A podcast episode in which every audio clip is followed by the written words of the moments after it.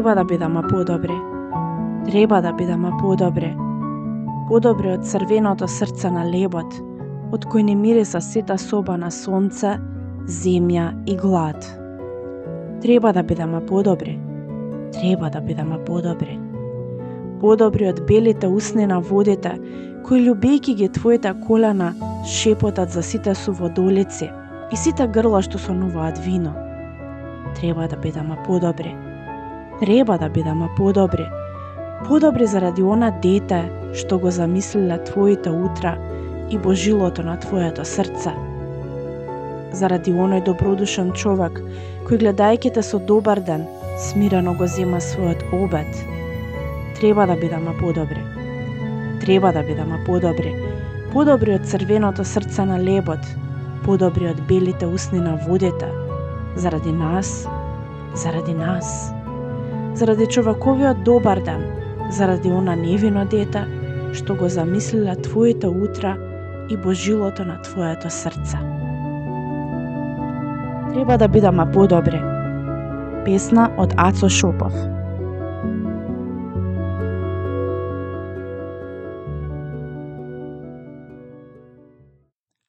Но како да бидаме добри? Мојот тригодишен син често знае да карактеризира некој лик од приказните како добар или како лош.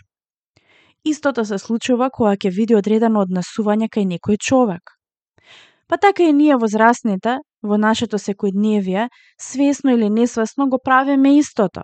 Иако може би тоа не е така црно-бело, но сепак знам дека често ги просудуваме акциите на луѓето во нашите глави и ги ставаме во овие рамки. Кога ќе запознаеме некого, на крајот важно ни е тој човек да биде добар, какво и да е нашето сваќање за добрина и за добар човек. Пред известно време ја прочитав книгата Добри однатре од Беки Кенеди. Тоа е популарна книга за родителство која не ме остави рамнодушна и ме потекна да размислувам во оваа насока. Што е добар човек? Добрината, според некои, е највисоката морална доблест. Доблест е позитивна особина, добри својства, непорочност, морална извонредност на личноста. Но листата на доблести е долга. Тука се честноста, искреноста, храброста со чувството, великодушноста, верноста, самоконтролата, праведноста. За тоа што е добар, што е доблесен човек, размислувале уште античките филозофи Сократ, Платон и Аристотел. Сократ сметал дека доблеста може да се научи, дека таа е знаење. Тврдел дека човекот треба да знае што е добро, да има идеја за добро, за тоа да го прави. Платон го гледа доброто како врховна идеја кон која сите тежнеат, додека Аристотел не зборува за некоја општа идеја за добро, туку за поединечното добро на човекот. Тој вели дека да се има доблест значи да се прави моралното нешто, да се прави правилното нешто, во вистинското време, на вистинскиот начин, во точната мерка, кон вистинските луѓе. Аристотел сметал дека доблеста е способност, начин на живот и дека е нешто што се учи само низ искуство. Сметал дека карактерот се развива само преку навика и ако ги правиш доблесните нешта повторно и повторно, на крајот тие ќе станат дел од карактерот.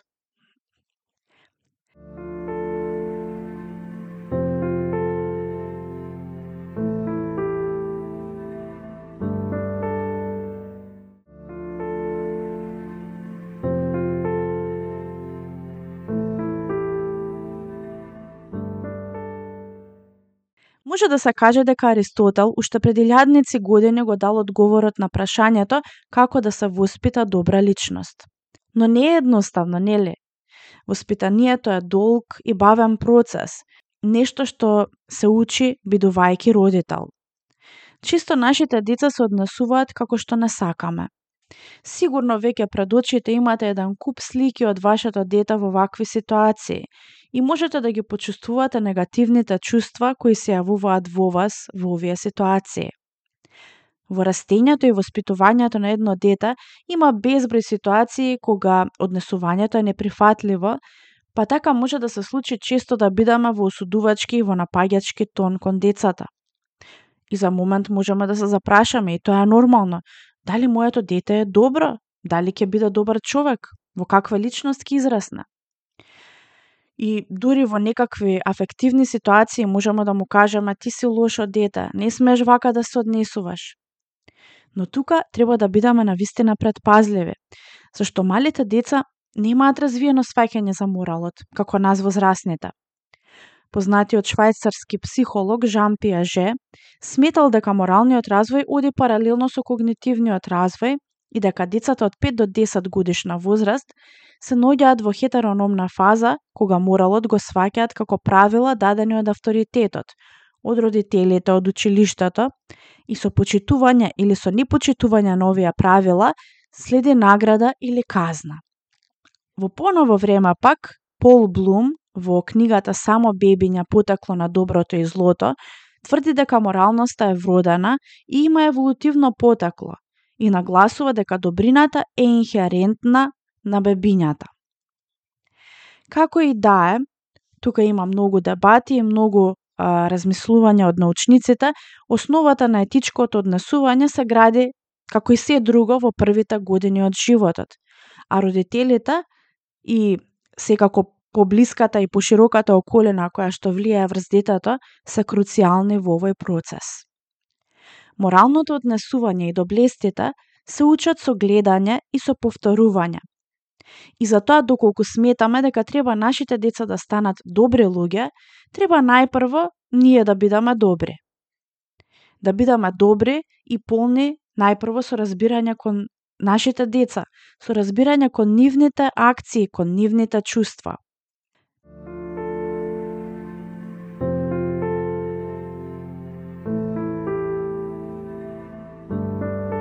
Од позиција на мајка на две деца, сметам дека станувањето родител има трансформативен елемент и бара од нас да учиме многу нови нешта, да се преиспитуваме, да бараме нови начини на комуникација, на делување, на искажување на нештата. Кога стануваш родител, на вистина ти се менува светогледот и стануваш вистинска одговорна личност која што се грижи за нов живот.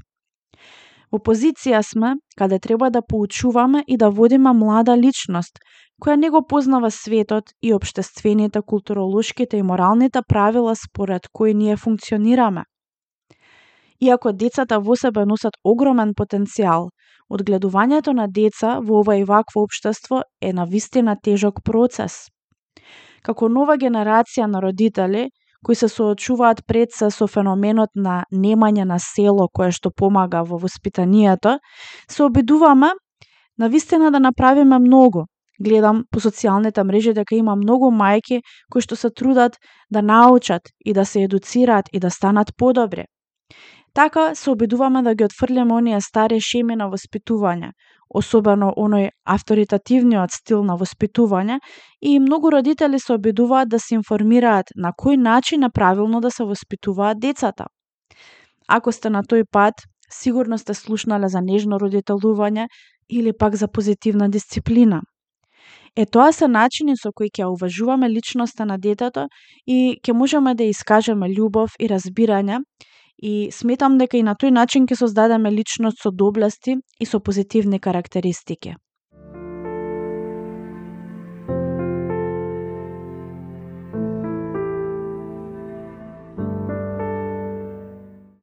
Во овој контекст повторно ќе ја споменам книгата Добри однатре од доктор Беки Кенеди. Едуцирајќи се на темата родителство, најдов на многубројни добри, но и помалку добри совети за тоа како да се воспитуваат децата. Навистина има безброј совети кои што ветуваат инстантна промена во однесувањето на децата, подобрување на врската родител-дете во само пет чекори.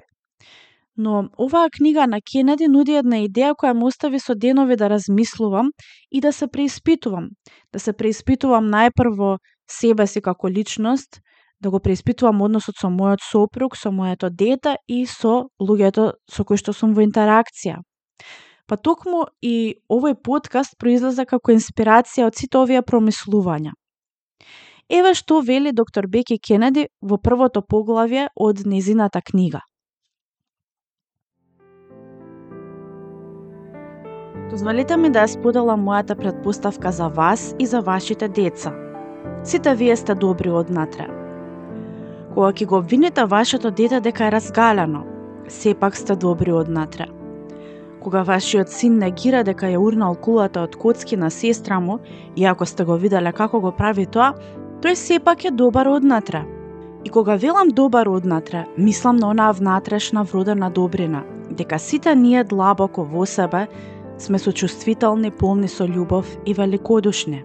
Принципот на внатрешна добрина е во средиштето на целата моја работа. Верувам дека децата и родителите се добри однатре, што ма прави љубопитна да откриам зошто се однесуваат лошо. И таа љубопитност ми овозможува да развијам рамки и стратегии кои се ефективни во поттикнувањето на промените. Во оваа книга нема ништо поважно од тој принцип. Тоа е основата на се што следува, затоа што штом си речеме, добро престани, јас сум добар однатре и моето дете е добро однатре, тогаш ќе интервенираме на поинаков начин од она што сме имале намера, од она што би го направиле ако дозволиме фрустрацијата и гневот да ги диктираат нашите одлуки. И да бидам јасна, препознавањето на добрината во вашето дете не го оправдува лошото однесување и не води кон попустливо родителство. Постои заблуда дека родителството од перспектива на внатрешна добрина води кон пристап на се е дозволено, од кој произлегуваат распуштени деца кои имаат право на се, но не познавам некој што би рекол О, моето дете е добро однатре, па не е важно дали ќе го плука другарчето. Или, мојот син е добар однатре, па кому моја е гајле ако ја навреди сестра се. Сушност обратно е да се разбере дека сите ние сме добри однатре, е она што ни овозможува да ја разликуваме личноста, вашето дете, од однесувањето, да се биде груп, да се удира, да се кажете мразам. Да се разликува кој е некој како личност од она што го прави, е клучно за да се донесат одлуки за интервенции што го чуваат вашиот однос и истовремено донесуваат ефективни промени.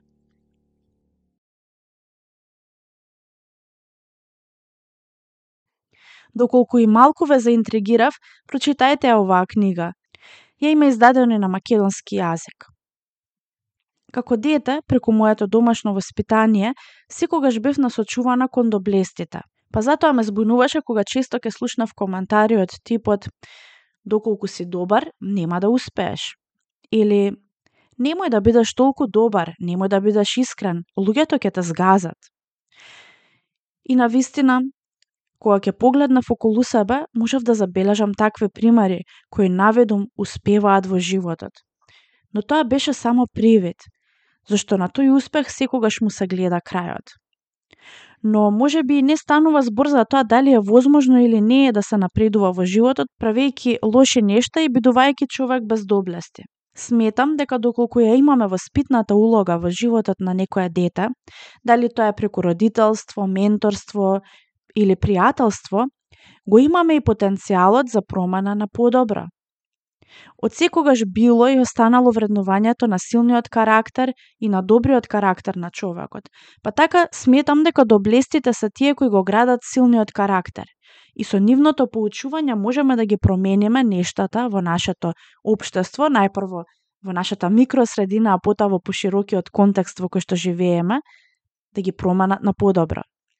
Но, најпрво почнувајќи од нас возрастните, секој од нас поединачно, а потоа и со садење на семето на доблестите кај најмалите, кај кој што се наоѓа и днината.